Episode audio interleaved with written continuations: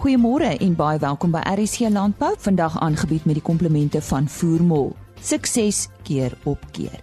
Weereens 'n besige program. Ons uh, vind meer uit oor 'n vleisbees inligtingsdag wat onlangs op 'n boer se plaas aangebied is vir die Marlow Landbou Skool.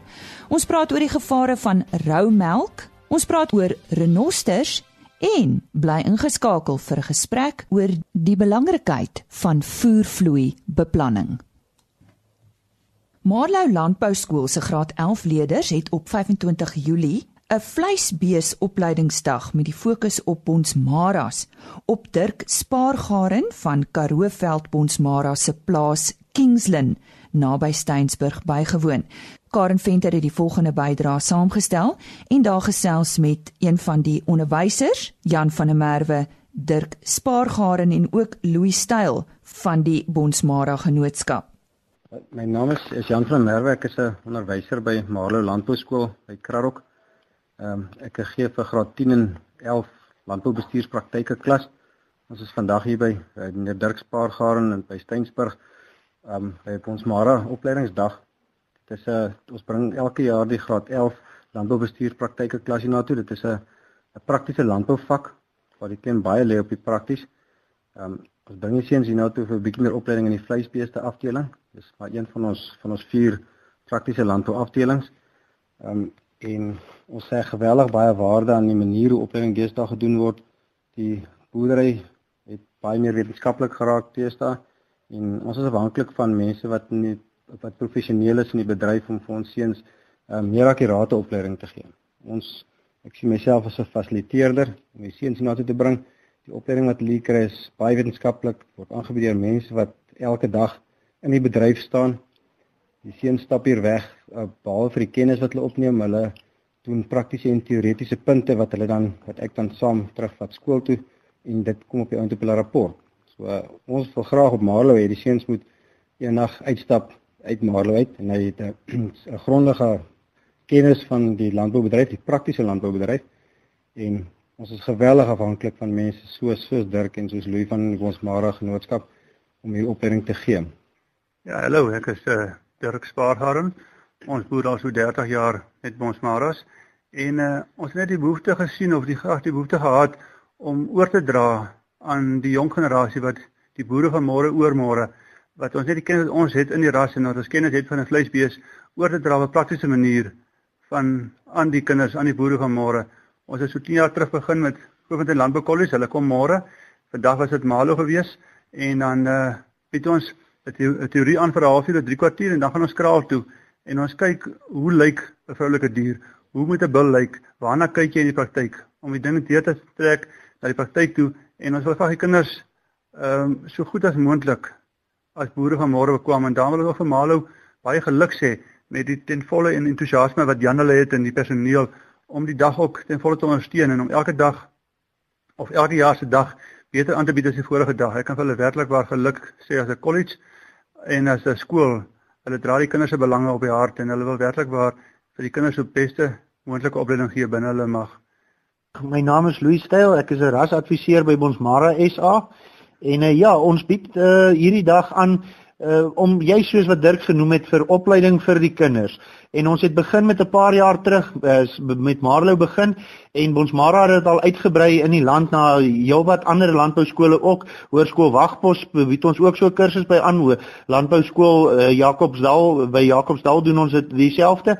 Maar uh, ons het by die Marlow kursus het ons al baie ver gevorder waar ons begin het net met 'n gewone teoretiese sessie en 'n praktiese sessie wat ons met met die kinders gedoen het, het ons dit nou al ingekorporeer in hulle in hulle landbou landbou module in. Uh, waar waar ons die kinders um, ook ook dan evalueer en waar hulle ehm, 'n um, toetsie skryf en 'n praktiese evaluasie in die, in in die kraal doen. En dit is maar vir ons van ons Mara se kant af is dit 'n 'n baie goeie manier om opleiding te bied vir vir vir ons kinders en vir ons jeug. Want daar's baie instansies wat wat probeer om betrokke te raak maar maar wat nie regtig hul hul bied in terme van dit nie en vir ons ons wil opleiding gee oor vleisbeeste aan die bedryf en dis hoekom hoekom ons betrokke geraak het met die skole en universiteite. En uh, soos wat ons ook aangaan het ons elke jaar die dag al al bietjie aangepas en maak ons veranderinge om het, om dit meer toeganklik te maak vir die skole en om en om die skole se se betrokkenheid en die die die die leersaamheid wat hulle daarbey te kry ook te verbeter. En ons moet sê um, ons ons toetelers help ons baie daarmee soos Dirk Dirk wat hierdie hierdie dag al vir die vir die laaste 7 jaar vir vir Malo aanbied. En uh, dit dit help ons baie dat ons toetelers so entoesiasties is oor die dag. En dan natuurlik die skole wat ons nader met baie groot entoesiasme ehm um, wat wat ons saam met hulle werk en en dit is vir ons 'n wonderlike geleentheid om terug te gee ook aan die bedryf in terme van opleiding. Wil maar 'n bietjie meer dalk sê van van die van die opleiding hierdie hierdie dag is die is is maar die eerste stap wat ons wat ons neem in die seuns opleiding. Ons het uh, hierdie ons Mara dag by Dirk en dan die volgende stap is dat die seuns nou 'n volledige blap opleiding um kry waar hulle die die die genotipe van die dier meer bespreek en die seuns moet dan 'n veiling by. 'n Fisiese veiling by Frontier ons Maras in Gramstad waar hulle dan hulle al die praktiese opleiding wat hulle tot dusver gekry het dan kan gaan toepas waar hulle dan ook 'n finale eksamen nou skryf. So die seuns gaan regtig op die ou en uitstap as hy eendag in 'n by 'n veiling gaan sit, kan hy homself help of hy nou self homself boer of of iemand anders boer. Hy hy gaan hom self help en hy gaan weet presies wat by 'n veiling aangaan, hoe dit werk, hoe om die blapsyfers te interpreteer. Ja, soos Jan genoem het, die tweede deel van die kursus is waar ons aan die blap inbring en die rede hoekom ons hoekom ons dit doen is want ons wil hê die kinders moet verstaan dit gaan oor waar kom die beesbedryf vandaan? Uh wat moet hulle kyk voor in die kraal en hoe gebruik ons die geno genotipe en blapsyfers wat ons maras al oor die afgelope 50 jaar ehm um, gebruik om 'n regte bul te selekteer. En dit is hoekom ons die kursus dan in, in basies in 2, 3 dele aanbied um, om om om die hele spektrum te dek van van die veebedryf. Vir enige navraag uh, wat um, enige luisteraars het rondom sulke opleidings daar, kan hulle ons Mara SA kontak uh, by, by ons webwerf op op um, www www.bonsmara.co.za of hulle kan my skakel Louis Styl 0841599487. Dan ja, ons gaan afsluit net 'n bietjie bemarking doen. Ons uh, hou ons 6ste uh, eh, jaarsproduktieveiling die 19de September. Ehm um, daar sal so 30 tot 33 bulle op die veiling wees en 'n goeie klompie vroulike diere. So as jy belangstel in uh bulle en vroulike diere, jy is baie welkom. Kontak my gerus, Dirk Spaargaren en 0829366733. Dankie, goed gaan. Ons sê baie dankie aan Karen Venter wat vir ons daardie bydrae saamgestel het en sy het gesels met Jan van der Merwe van die Malo Landbou Skool, Dirk Spaargaren op wie se plaas hierdie inligtingsdag plaasgevind het en dan ook Louis Styl wat daar gesels het. Hy is rasadviseur van die Bonsmara Genootskap. Ons gesels ver oggend weer met die televisieaanbieder en filmmaker Borneide Bot oor die jongste stand van sake wat renosterstroping betref. Bornei almal praat van 'n toename in renosterstropery nadat syfers op sosiale media versprei is van 30 plus renosters wat uh, onlangs vir hulle horings afgemaai is. Is daar 'n toename? Ja, uh, goeiemôre Lise en ook goeiemôre aan al die luisteraars. Al as ons op sosiale media gaan kyk, uh, die berigte wat ons daar lees, wil dit voorkom of daar 'n toename is in stropery. Maar ons kan nie werklik sê nie omdat daar nog geen uh, amptelike syfers deur die departement van omgewingsake uitgereik is om dit vir ons te bevestig nie. Nou, ons is gewoond aan vier perskonferensies per jaar uh, waar die departement verslag doen oor van sake wat die stroping betref en dan nou waar die amptelike syfers bekend gemaak word. Uh, daar was nog geen perskonferensie hierdie jaar nie en met ander woorde geen syfers is nog bekend gemaak nie. So dit maak dit baie moeilik om die huidige situasie te evalueer. Maar uh, ons moet onthou dat die uh, renosterstropingsvoorvalle wat deur private renoster eienaars en deur Esemvelo KwaZulu-Natal wildlewe bekend gemaak word, uh, baie aandag trek want ons lees daarvan op sosiale media. Maar daar is ook baie voorvalle uh, waarvan ons nie weet nie en waarvan ons nie hoor nie. So ons sien syfers, maar ons weet nie of dit die ware prentjie skets nie. En om te verstaan wat ek sê, kom ons gaan terug uh, 3 jaar gelede, uh, 2014. Toe 1215 renosters volgens die amptelike syfers in daardie jaar gestroop is. As ons na die gemiddeld kyk, is dit net meer as 23 renosters elke week. So ja, uh, ons moet ontstel wees as ons hoor dat daar 'n uh, drastiese toename in een week was, maar die reëlmaat waarmee ons renosters week in en, en week uit afgemaai word, uh, gaan al aan vir jare soos ons weet en duur steeds voort. En, en dit is wat my bekommer, daardie konstante en geleidelike stroping. Nou Bonnie, jy het uh, onlangs tyd deurgebring saam met 'n private renoster eienaar wat 9 renosters op een aand op sy plaas in die Noord-Kaap verloor het. Nou dis verskriklik. Hoe gebeur so iets en, en waar was sy sekuriteit? Mm, weet jy dis altyd die eerste vraag uh, wat gevra word en en wat moet gevra word. Jy weet watter sekuriteit was in plek toe die stropery plaasgevind het. Veral as ons praat van 9 renosters. Dis 'n groot getal. Uh, jy kan jouself indink hoe erg dit vir die boer is, uh, die private renoster eienaar. Dis dis moeilik om een dier te verloor wat nog te sê van 9. Nou ek het hom uitgevra oor sy sekuriteit uh, en hy het erken dat hy nie die nuutste tegnologie in terme van sekuriteit in plek gehad het nie.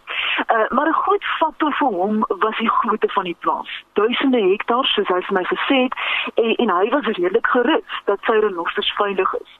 Nou ek kan nou nie in te veel besonderhede uh, ingaan nie omdat die ondersoek nog aan die gang is, maar ek kan wel sê dat ek met die ondersoekbeampte gesels het en hulle is vol vertroue dat dat hulle hierdie ouens sal vastrek. Uh, ek het 'n idee van die grootte gekry uh, van die plaas toe ons in 'n helikopter na die karkasse toe geneem is.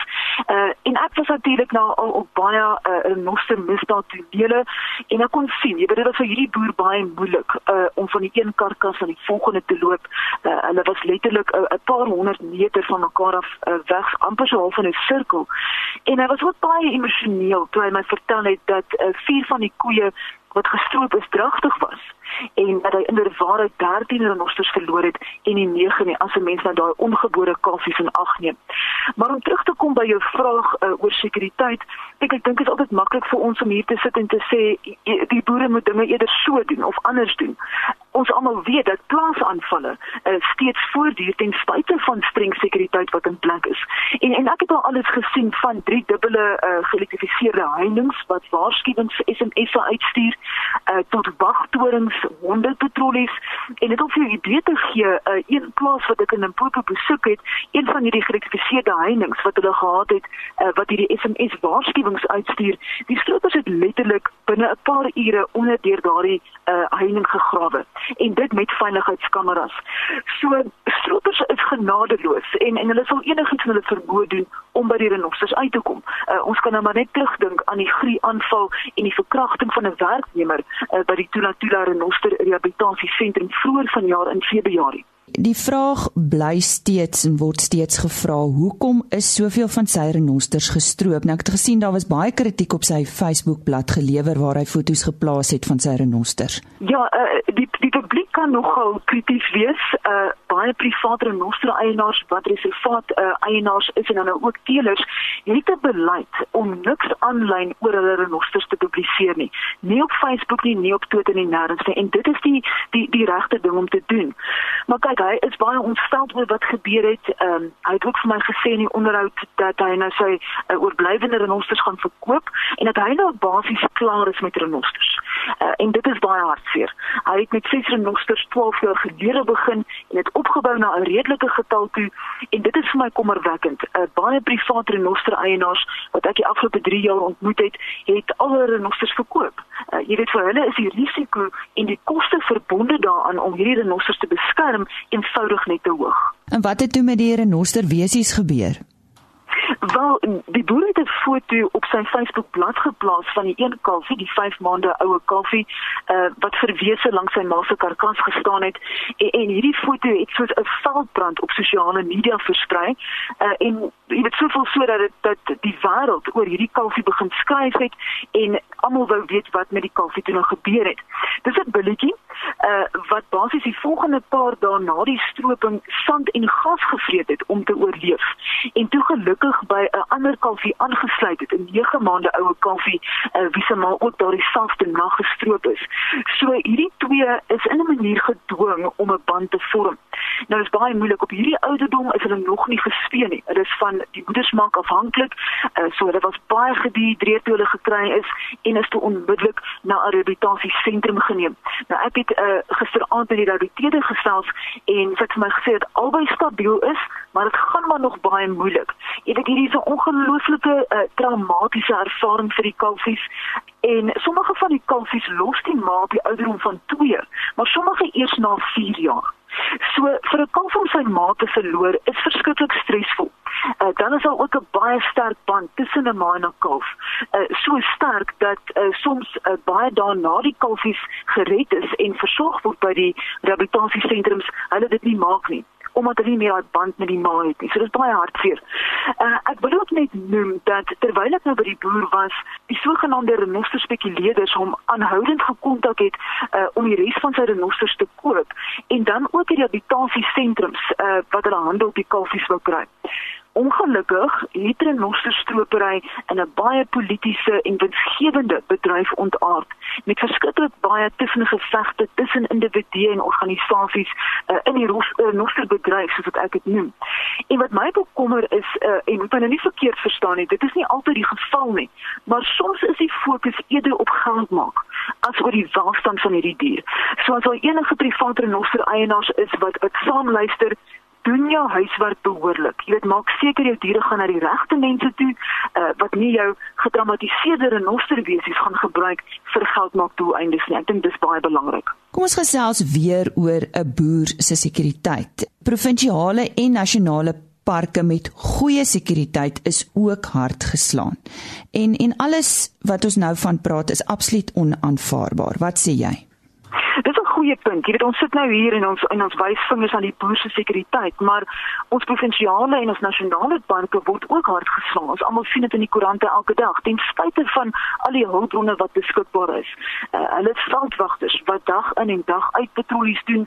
Hulle het 3 of 4 helikopters, 'n uh, vaste vlerk vliegtuie, die nuutste tegnologie, uh, tegnologiese toerusting, uh, toegang tot staatshulpbronne soos die polisie en selfs die weermag. So as ons kyk na die voorval by Rietvlei, uh, hierdie reservaat is in die middel van Pretoria. Hoe kan twee renosters daar geskiet word? Uh, ek was verlede jaar daar toe twee renosters in een nag daar gestroop is uh, en na hierdie voorval het die bestuur toe besluit om die res van die renosters te onthoor. En ek sou dink ook hulle sekuriteit opskerp. Uh, ek was daar onlangs met 'n geleentheid op jeugdag, dis net bietjie meer as 'n maand gelede en die gebrek aan sigbare sekuriteit moet ek vir jou sê was 'n groot bekommernis.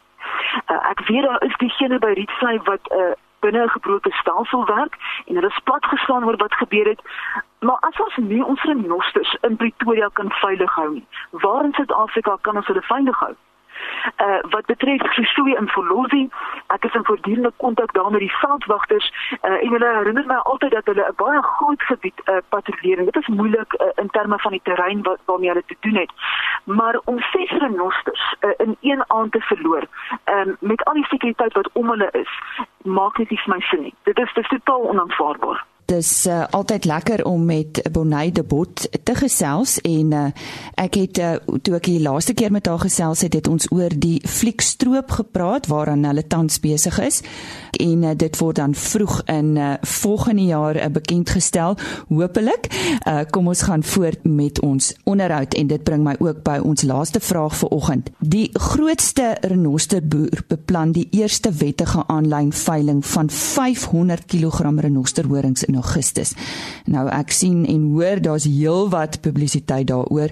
Hoe gaan dit werk, Bonnie? Ja, uh, ek dink voor ons oor die veiling praat, kom ons kyk na die plaaslike handeldryf in Renosterhoring. Jy weet daar is so baie verwarring sedert dit nou weer gewettig is. Uh so veel so dat die departement van omgewingsake so bietjie meer as 'n week terug onlangs 'n verklaring uitgereik het om 'n paar onduidelikhede op te klaar wat hulle voel van voorgestel is. Eerstens maak hulle duidelik dat internasionale handeldryf in Renosterhoring onwettig is. Uh en dit is op grond van internasionale protokols waarvan Suid-Afrika dit spesifiek sites. Hulle maak dan ook duidelik dat enige beplande verkoop van renosterhoring deur private renoster eienaars slegs vir plaaslike handel is en dat dit onderhewig is aan aan die relevante permitte wat nou nog nie uh, tans in werking gestel is nie.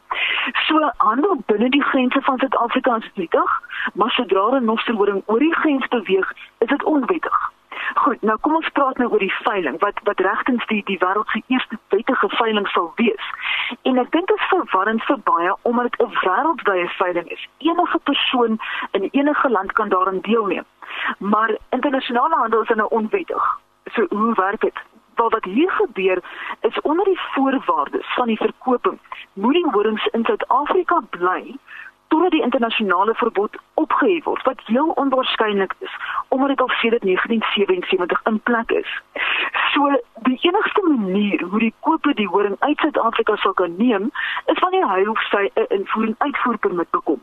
Volgens die konsepwetgewing uh, wat uh, die minister vroeër vanjaar gepubliseer het, moet 'n invoerpermit van die land waarheen die horing gaan eers verkry word alvorens die Suid-Afrikaanse regering dit sal eers oorweeg om 'n uitvoerpermit toe te staan. So dit is uh, redelik ingewikkeld, maar kom ons kyk wat met die veiling gebeur uh, en ek hoop ook om tyd saam met die uh, boer wat hierdie veiling beplan het te spandeer en uh, ek sal jou en die luisteraars op hoogte bring volgende maand. Nou ja, soos Bonnie de Bot genoem het, ons gesels weer volgende maand met haar onder andere oor die veiling. Ons uh, gesels nou met Jompie Burger van die Suiwel Standaarde Agentskap en ons sal 'n bietjie met hom praat oor uh, die hele hantering van rou melk. Miskien Jompie moet jy net eers definieer wat presies is rou melk? Ehm um, ja, nee, ek ek ek dink as ons praat oor oor melk as 'n geheel, dan kyk ons per definisie in die wet, jy weet jy kry gepasteuriseerde melk en dan kry jy ander vorms van hittebehandelde melk wat ultra gepasteuriseerd is en dan natuurlik jou IAT melk, jou langlewe melk en gesteriliseerde melk. Maar rou melk per definisie is uiteraard melk wat uh, direk dan nou soos wat ons melk ken wat by die plaas hek is en wat dan op pad is en bestem is vir verdere verwerking of dit is melk wat bestem is vir direkte verbruik hierdie uh die deur die verbruiker. Nou hierdie rou melk, jy sê verdere verwerking, maar dit gebeur ook dat rou melk verkoop word, nê? Nee? Inderdaad, inderdaad en ons um, jy weet rou uh, melk per se word word deur die wet op voedingsmiddels beheer, wet op voedingsmiddels skoonheids en ontsmettingsmiddels. En wat daar gebeur is die wet het regulasies wat basies die hantering van rou melk behartig. En eerstens wat die wet sê is daar's twee kante van die saak. Die wet op voedingsmiddels sê niemand mag melk verkoop en dit sluit natuurlik dan na die rou melk wat nie aan bepaalde standaarde voldoen nie. En dan natuurlik is daar 'n konstitusionele verpligting van die wetgewer om seker te maak dat sulke melk nie verkoop word nie. Maar as ons nou kyk na tipies die melkprodusent wat dan die verskaffer is van rou melk, hy is ook onder regulatoriese verpligtinge om seker te maak dat daai melk dan wel voldoen en dan in sekere areas mag jy rou melk verkoop sekere jurisdiksiegebiede mag jy dit nie doen nie. Dit hang af of daai jurisdiksiegebiede of munisipaliteite dan gelys is onder die regulasies. Maar nou kry ons wel dat rou melk in uh, areas verkoop word waar dit gewettig is en nie gewettig is nie. Maar uh, enige waar ons erge probleem lê en uh, net om vir jou te noem is dat hierdie maak 'n baie klein persentasie van die melk uit wat aan die verbruiker bekend gestel word of, of beskikbaar gemaak word. Die probleem met hierdie melk en daarvoor het ons uh, statistiek wat uh, uh, vir ditself spreek. Oor meer as 10 jaar is die probleem met hierdie melk is absoluut die hantering van die melk um, en die die swak beheer wat daar oor die die gesondheid van die kudde is. Met ander woorde wat ons sien is is melk wat van die plaas afvloei. Ehm um, en normaalweg is dit losmaak melk wat in hierdie tanks verkoop word as rou melk of melk wat dalk miskien 'n uh, verdere stap van pasteurisasie ondergaan het, maar as uh, losmaak melk weer 'n klomp deur veranderlike is gegaan het van prosesse van hantering en dan dit lei tot verdere sekondêre kontaminasie. Nou daai melk as sulks ehm um, wys gewoonlik vir ons hoë vlakke van E. coli kontaminasie en ons uh, grootste bekommernis is die trend wat ons nou sien dat daar selfs bruselose uh, in hierdie melk van hierdie melk op die rakke te voorskyn kom. Nou ek herhaal, die deursit van ons melk in die land is van uitstaande gehalte, maar as ons praat van hierdie kategorie kategorie van melk, dan is daar 'n wesenlike probleem. Nou hierdie dit is regtig waar die doel van hittebehandeling om seker te maak dat ons verbruikers kry goeie kwaliteit uh melk as 'n voeding um wat hulle kan koop. Uh ons bekommernis het is dat ons lewe in 'n nuwe uh, wêreld waar daar baie van hierdie E. coli is nie en as jy kyk na hulle dan is hulle baie weerstandbiedend uh, ten opsigte van uh, bakterieë en antibiotika. So wanneer ons vir 'n verbruiker rou melk gee wat alreeds E. coli of patogeniese organismes in het wat weerstandbiedend is, um, dan beteken dit dat ons het 'n baie negatiewe impak op ons gemeenskap. Dis en dit is gewoonlik jou mense wat swaar kry wat al reeds lewe in armoede wat gaan in hierdie melk gaan koop in hierdie losmaak tankhouers. So ek dink in beginsel uh, is dit belangrik vir die die rolspelers in die waardeketting, dan die melkprodusente en ook dan mense wat die verbruikers is eh, wat vind van daai melk om seker te maak dat hulle koop melk wat veilig is. Hoe gaan hulle dit weet? Ek dink dit is baie moeilik vir 'n verbruiker om ooit te kan onderskei. Maar ek dink daar lê 'n etiese saak hierso waar produsente wat sit met melk wat dalk antibiotika positief getoets het of wat E. coli in die melk het om nie daardie melk beskikbaar te maak vir menslike gebruik nie. Goed, uh, dit is eintlik dis 'n opvoedingsstaak aan beide kante, né? Nee. Ja, en en natuurlik 'n wetgewingsstaak, maar dan natuurlik het die bedryf ook die die onderlinge verpligting om seker te maak dat daai melk nie in die waardeketting inkom nie. Ehm uh, dit is nou maar net so.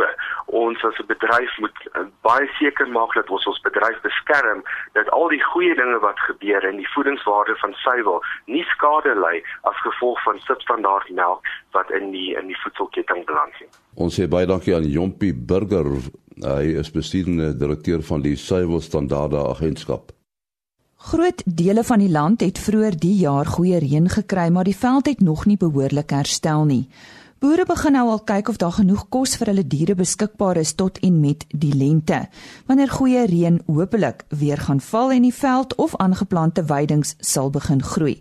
Ek gesels vanoggend met Petrus van Rooyen van Pannar. Hy is bemarkingsbestuurder vir die KwaZulu-Natal streek en hy gee vir ons raad oor voervloei beplanning. Petrus, wat presies is voervloei beplanning? Beplanning is die beplanning wat gedoen word om genoeg kwaliteit voer vir 'n veekudde beskikbaar te stel vir 12 maande van die jaar met maksimum produksie per eenheid oppervlakte, asook 'n voerbank wat as reservevoer daar gestel word. Hoekom kan produsente nie meer net op oesreste staat maak nie? Die produsente deel plantprodukte soos mielies wat minder oesreste lewer om wat maksimum graanopbrengste te, te verseker. En hierdie kleiner plante lewer minder oesreste. En dit lei tot minder beskikbare voer vir veeproduksie waar boere 'n veefaktor op die plaas het.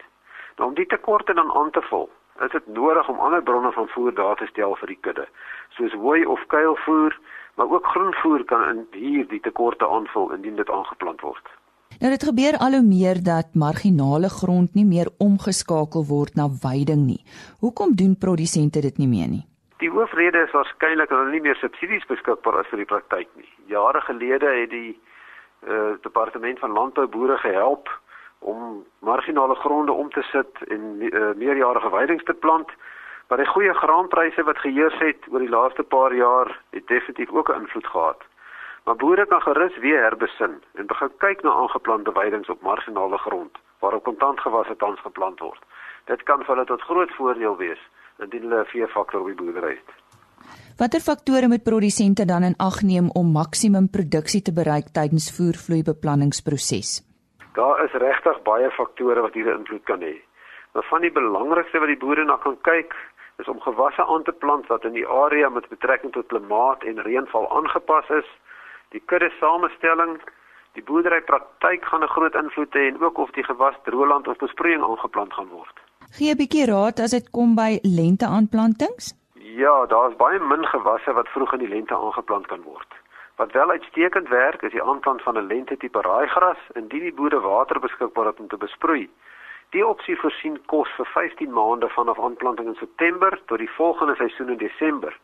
Dis ook 'n uitstekende kwaliteit voer of aangeplante weiding wat hier vanaf gekry word. Maar daar kan ook tef aangeplant word vanaf Oktober en voersorg vanaf einde Oktober of as die grondtemperature bokant 18 grade Celsius is. Ek wil wel die boere maan om nie te vroeg voersorg om te plant nie, aangesien dit baie gevoelig is vir koue gronde. Enige ander weidingswenke wat produsente nou kan volg, eh, Petrus? Dit is seker nie so maklik om vinnige groei te kry nie.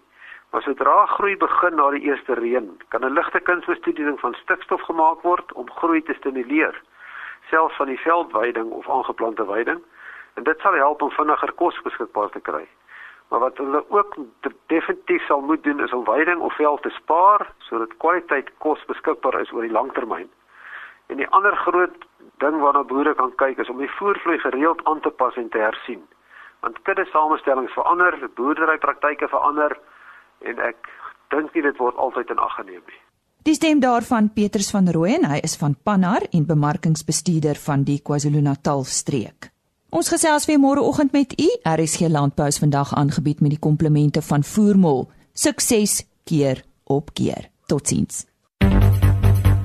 RSG Landbou is 'n produksie van Blast Publishing. Produksieregisseur Henny Maas. Aanbieding Lisa Roberts en 'n notas koördineerder Jolande Rooi.